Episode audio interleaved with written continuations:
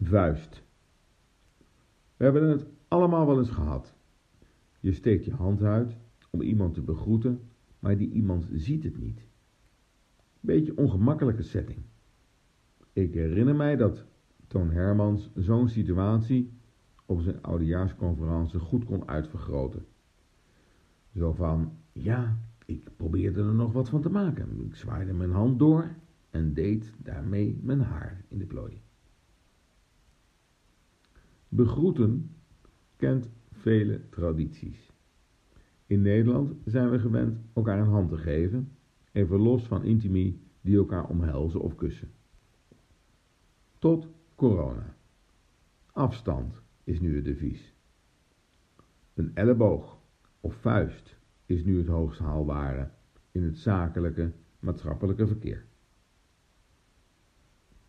Corona heeft hierin dus veel kwaad gedaan. Dat is helder. We snakken weer naar wat we gewend waren, inclusief hossende hordes op feestjes en festivals.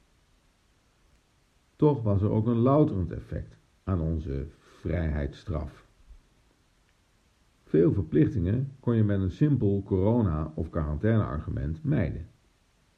Het mag niet, als smoes om even niet naar je werk of bijvoorbeeld naar je schoonmoeder te gaan.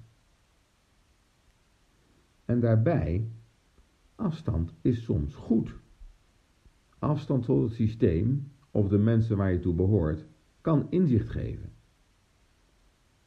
Een relatie heeft soms afstand nodig om te waarderen wat je ook alweer hebt. Wat gaat er mis als je iemand mist? Ik heb zo'n voorbeeld momenteel in een coaching.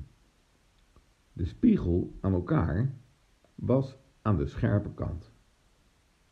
Daar moeten de betrokken teamleden allemaal even op kouwen. De eerste reflex is, graag of niet, afwenden. Maar dan, daarna, komt met de afstand ook de bezinning. Ze hebben elkaars complementaire eigenschappen wel nodig om een team te zijn. Verbinding ontstaat dan uit vrije wil, met de bereidheid rekening te houden met elkaars gebruiksaanwijzing. In Duitsland is een gezegde dat die vrije verbintenis mooi uitlegt. Entweder du kommst oder nicht, wir freuen uns. Vrij vertaald, of je wilt komen of niet, we verheugen ons. Ook zonder corona, straks, is het goed af en toe afstand tot elkaar te bewaren. Om je te realiseren hoezeer je de ander ook nodig hebt. Je zult zien dat je elkaar daarna op een andere manier gaat begroeten. Zometeen, aan het eind van de golf, zijn er geen vrijheidsbeperkingen meer. We mogen elkaar weer opzoeken. Dankzij het succes van Zoom en Teams ontstaat er een nader te ontdekken hybride tussen digitaal en fysiek.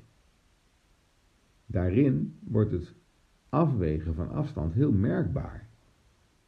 Wanneer doen we fysiek en wanneer digitaal? Even los van functionaliteit, want creatieve processen zijn digitaal immers best lastig, is het de vraag of de keuze tussen fysiek en digitaal iets zegt over de relatie. Als je je vrij voelt, niet. Afstand is immers zo gek nog niet. Al met al, ik ben nieuwsgierig naar hoe we elkaar weer begroeten straks. Gewoon weer handen schuddend of blijft het op afstand de vuist? Ook als je je vuist uitsteekt, kan de andere missen. Ongemakkelijke setting. Benieuwd wie daar op de oudejaarsconferentie iets grappigs van gaat maken.